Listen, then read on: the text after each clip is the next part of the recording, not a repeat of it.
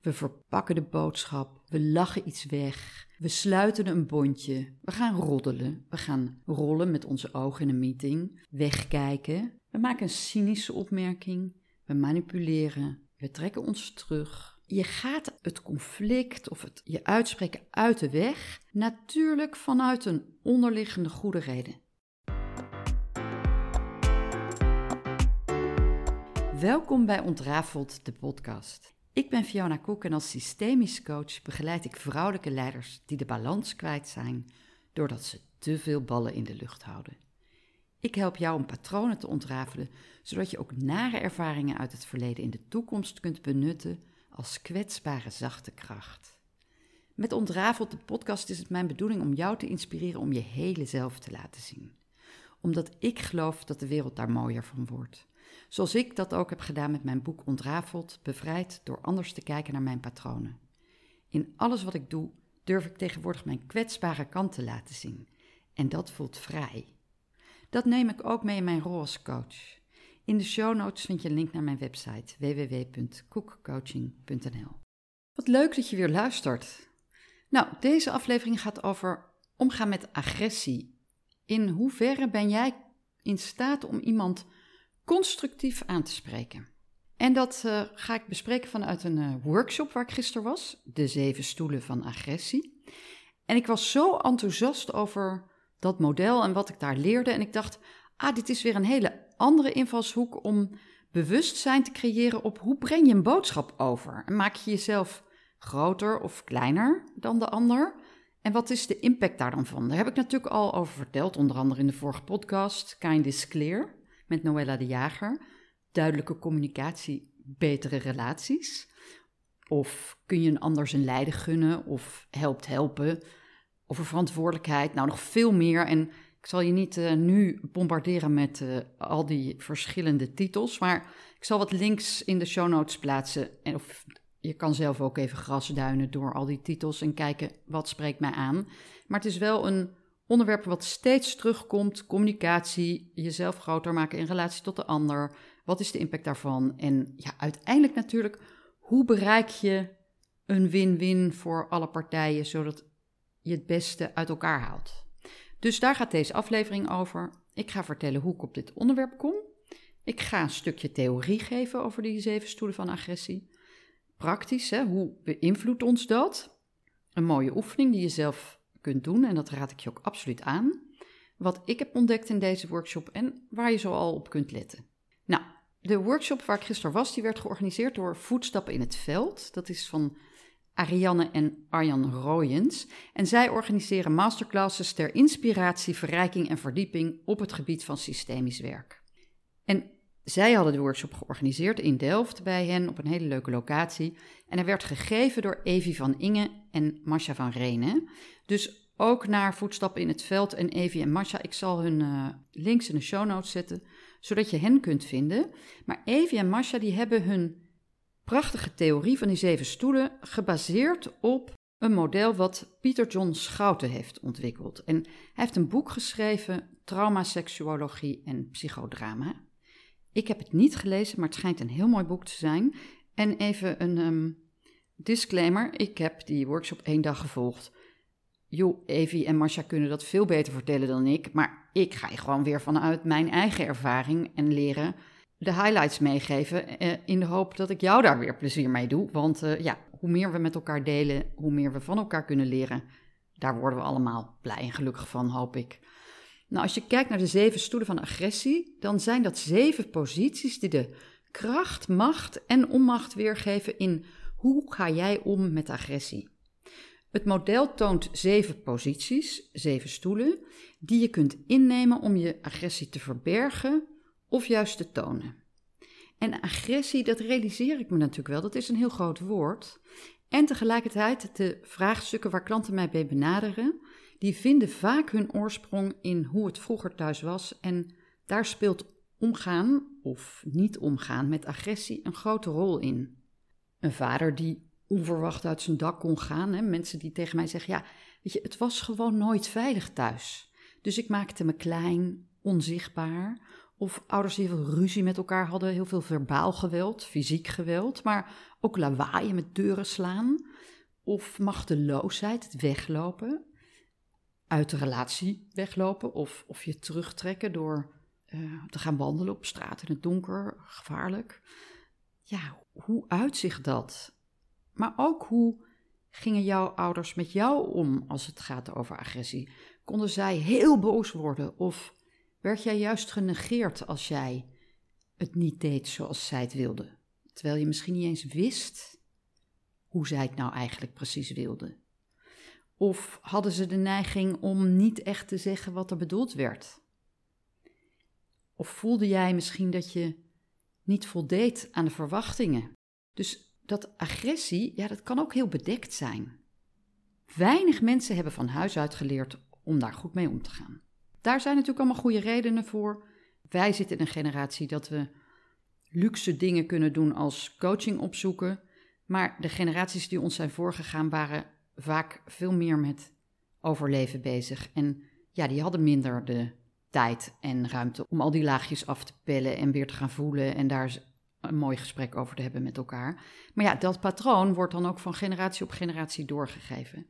En als jij niet op een gezonde manier kunt omgaan met agressie, ja, dan zet zich dat vast in je lichaam. Ook daar heb ik natuurlijk een podcast over gemaakt, wat leiders moeten weten over trauma. Naar aanleiding van het boek van Bessel van der Kolk, The Body Keeps the Score. Trauma is niet de gebeurtenis zelf, maar de fysieke reactie, jouw reactie op het trauma. Ja, dat doet heel veel met je lichaam. Dus dat veroorzaakt ook pijn en ongemak. Maar de manier waarop jij van huis uit wel of niet hebt leren omgaan met agressie, ja, dat neem je ook mee naar andere plekken in jouw leven. Dus in hoeverre ben jij in staat om op een gezonde, constructieve manier je uit te drukken en op te komen voor jouw belangen? Ben je daar überhaupt mee in contact? Of heb je het weggestopt omdat je ergens om hele goede redenen hebt besloten, onbewust, voelen is niet oké. Weet je, dat is kwetsbaar en raakbaar. En als ik nou maar hard werk, dan hoef ik niet te voelen. Nou, het zijn allemaal redenen om, ja, of invloeden op hoe jij omgaat met agressie. Hoe je dat dus in jezelf managt en hoe je daarop reageert als een ander iets tegen jou zegt wat ja, misschien wel onverwacht is. Vanuit welke plek reageer jij dan? Nou, ik zal eerst een stukje theorie uitleggen over die zeven stoelen. En die zeven stoelen, dat gaat eigenlijk over, je moet het zien als het volume van de radioknop. Dus het is van 0 tot 5 in dit geval. Hoe hard zet je die radioknop aan? En die zeven posities, zeven stoelen, dat zijn positie 0, de halve stoel en dan 1, 2, 3, 4, 5. En het idee is dat je op stoel 1 tot 3 in staat bent om op een constructieve manier je agressie te uiten. Dus je boosheid een ander aan te spreken. Omdat je dat kunt doen vanuit een emotionele volwassenheid. En op stoel 1 doe je dat wat rustiger en op stoel 2 en 3 zet je dat volume steeds harder. Dus op stoel 1 kan jij je uitspreken vanuit verbinding met jezelf. Dus ongeacht wat er gebeurt bij de ander, omdat er congruentie is tussen wat jij voelt, wat voor jou waar is en ja, hoe jij daar verbaal uitdrukking aan geeft. Dat vraagt natuurlijk ook afpellen. Wat ervaar ik nu eigenlijk? Die dat wat je in je lijf, vaak begint het daar, voelt, ja, waar gaat dat over? Deze, is het machteloosheid of boosheid of frustratie? Wat is die onderliggende emotie die ik nu ervaar? En hoe kan ik dat dan overbrengen op een ander vanuit mijzelf? En dat uitspreken. Dus daarmee maak je je heel open en, en je stelt je kwetsbaar op en het is heel eerlijk. Nou, op stoel 2 doe je dat net met een harder volume. En op stoel 3 word je echt wel boos, maar je hebt nog steeds oog voor de relatie en ook het vermogen om die volumeknop weer zachter te zetten. Op stoel 0 ben je zo naar binnen gekeerd dat je niet in staat bent om je te verbinden met jezelf en te voelen wat je nodig hebt. Je wereld is heel klein. Nou, dat zien we nu natuurlijk met mensen die uit oorlogsgebieden komen of bij kinderen die zijn opgegroeid met excessief geweld. Dus ze keren zich echt als een klein balletje helemaal naar binnen en ja, die, die kunnen ook het niet eens hebben als iemand ze aanspreekt, zelfs vanuit een volwassen stoel 1 bijvoorbeeld, omdat alles al gauw te veel is en die associatie oproept met dat hele nare wat mensen hebben meegemaakt. En dat kan je zelf ook hebben omdat jij vroeger van huis uit met heel veel agressie te maken hebt gehad. Draai je je dan naar binnen of lukt het je om je een beetje open te stellen voor anderen? Wat je doet op stoel half. Dat is de stoel die we allemaal heel goed kennen, al denken we vaak dat we op die stoel 1 zitten.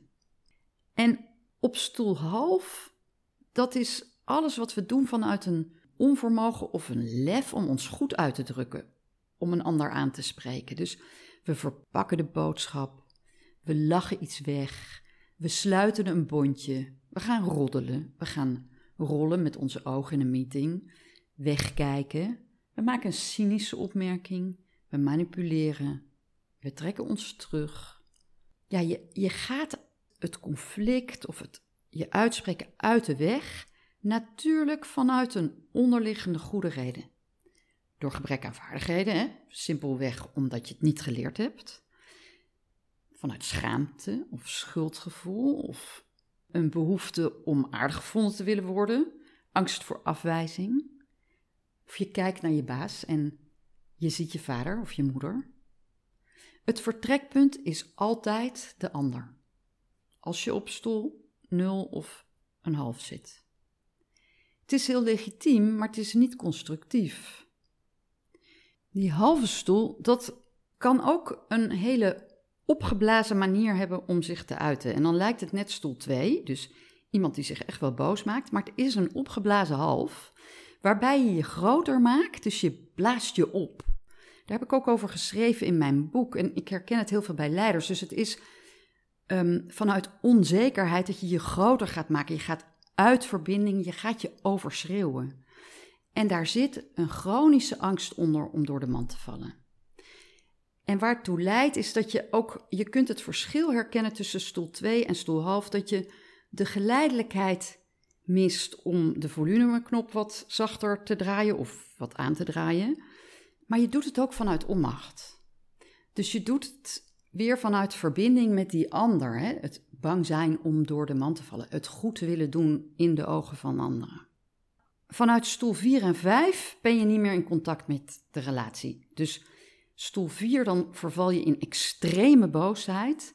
En op stoel 5 dan verval je in blinde razernij en geweld. Dus je, je ziet de ander niet meer. Ik ga het eigenlijk vandaag vooral met je hebben over die stoel 1 en die halve stoel, omdat jij als leider dat ook zo uh, tegenkomt. Hè? En we denken vaak dat we op stoel 1 zitten, maar we zitten vaak op stoel half. En dat heeft alles te maken met de intentie waar je vandaan komt.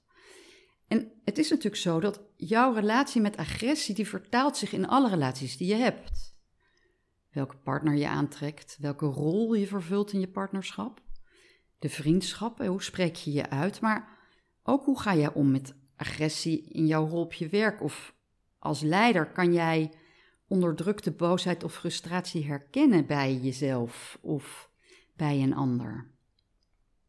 Maar ook kan je herkennen hoe jij zelf omgaat met agressie in de wereld, met oorlogen en onrecht en wat doet dat met jou? Dus welke invloed heeft dat op jou en op jouw korte lontje? En herken je dat bij anderen? Kan je onderscheid maken tussen wat ik nu voel, dat, dat opgejaagde gevoel, of misschien wel een soort supermachteloosheid, desillusie?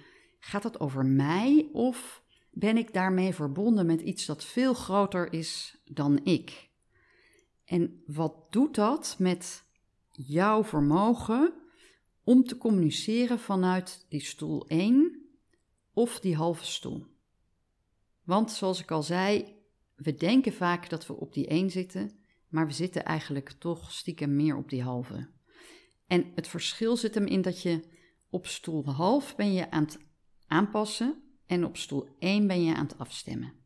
Aanpassen is meebewegen, maar er zit ook ingehouden spanning op. Dus het lijkt in eerste instantie heel goed.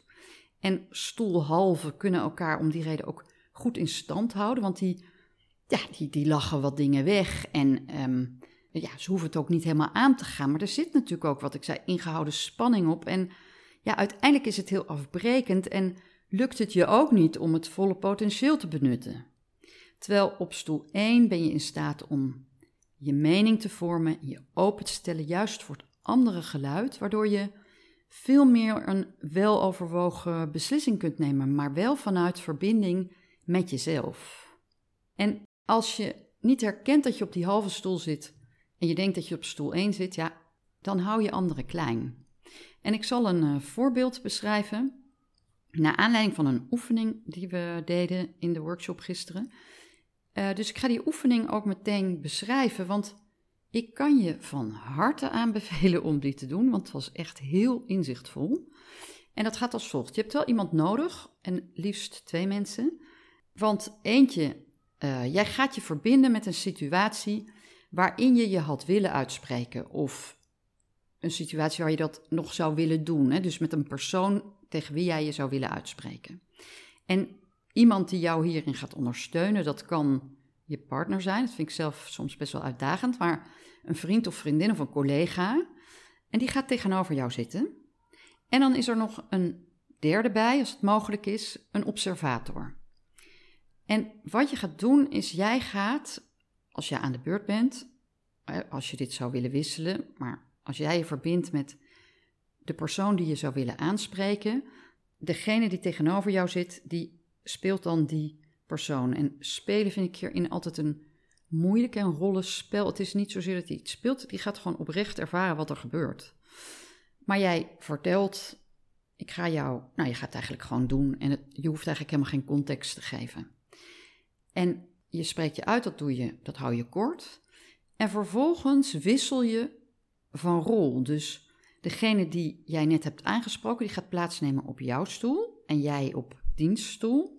En die persoon gaat jou exact nadoen. Zo exact mogelijk. Dus die probeert letterlijk de woorden te herhalen die je net zei, met dezelfde mimiek, de snelheid van spreken, ehm, de handgebaren, ook de, de uh, gezichtsuitdrukkingen, de snelheid van spreken, volumeknop. Die probeert het gewoon op dezelfde manier te doen. En ja, dan mag jij ervaren wat jij ervaart. Wanneer je op die manier wordt aangesproken. En dan kun je kijken, deed ik dat vanuit stoel 1 of toch een beetje vanuit stoel half? En die observator die kan daar dan natuurlijk ook nog een rol in spelen. En die kan ook vanuit de zijlijn zeggen wat die heeft gezien. Als je die observator niet hebt, dit kan je natuurlijk ook prima doen met z'n tweeën. Maar kijk maar even of het lukt. Nou, ik deed die uh, oefening in de workshop. En ik nam Pieter in gedachten. En Pieter is iemand die zich altijd. Pieter is even een fictieve naam. Hè? Dus uh, als je Pieter heet en dit hoort, gaat het niet over jou.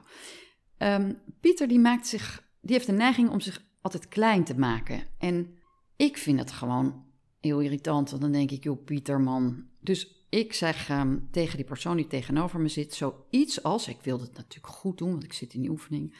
Zeg, Pieter, weet je, het valt me op dat jij je steeds uh, de neiging hebt om je klein te maken en je spreekt je gewoon niet helemaal uit. En ja, dat is zonde, want ja, de wereld die, die heeft je gewoon nodig met alles wat jij te zeggen hebt. En het zou zo mooi zijn als jij jezelf groot zou kunnen maken. Net zo groot als dat jij bent.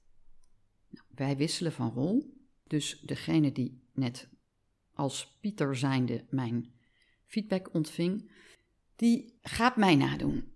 Met exact dezelfde mimiek en gebaren. Dus datzelfde afgemeten Fiona-stemmetje. En um, ook een beetje die uh, getuite smalle lipjes. En een beetje zo dat scherpe, mijn, mijn manier van praten. En ik keek daarna ook die handgebaren zo'n beetje snel. En ik dacht, oké, ik heb wel gezegd wat ik uh, wilde zeggen vanuit stoel 1, maar nou, dat mag echt wel wat vriendelijker. En Pieter die zei, nou, ik voelde me juist kleiner worden. En toen zei de observator: Heel goed. Wat was je intentie? Waarom wilde je dit tegen hem zeggen? Dus ik zei: Ja, omdat ik er. Ja, ik vind het gewoon echt uh, zonde voor de wereld. En uh, Pieter heeft zoveel meer bij te dragen. En toen zei ze: Ja, maar deed je dit nou vanuit stoel half of één? Want was je nou verbonden met jezelf? Of was je met Pieter bezig? Dacht, ja, verrek. En Pieter voelde zich kleiner. En de bottomline, als ik het op zijn Rotterdams deed, op zijn Fiona's, dan was het gewoon: hé, hey, gast, weet je, ik zie dat jij je steeds kleiner maakt.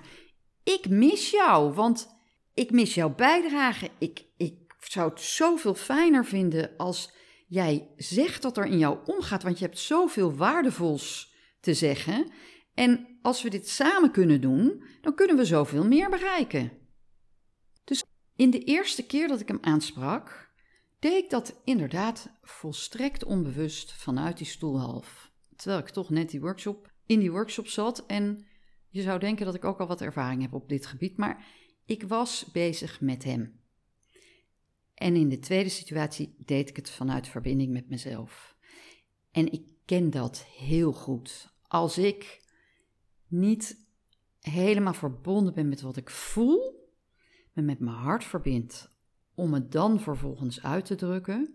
Als ik dat achterwege laat en iemand aanspreek, ja, dan kom ik heel snel vanaf de schooljuffrouwplek, de ik weet het beter, je moeder, die het vroeger al op die manier deed, hè? in Pieters geval.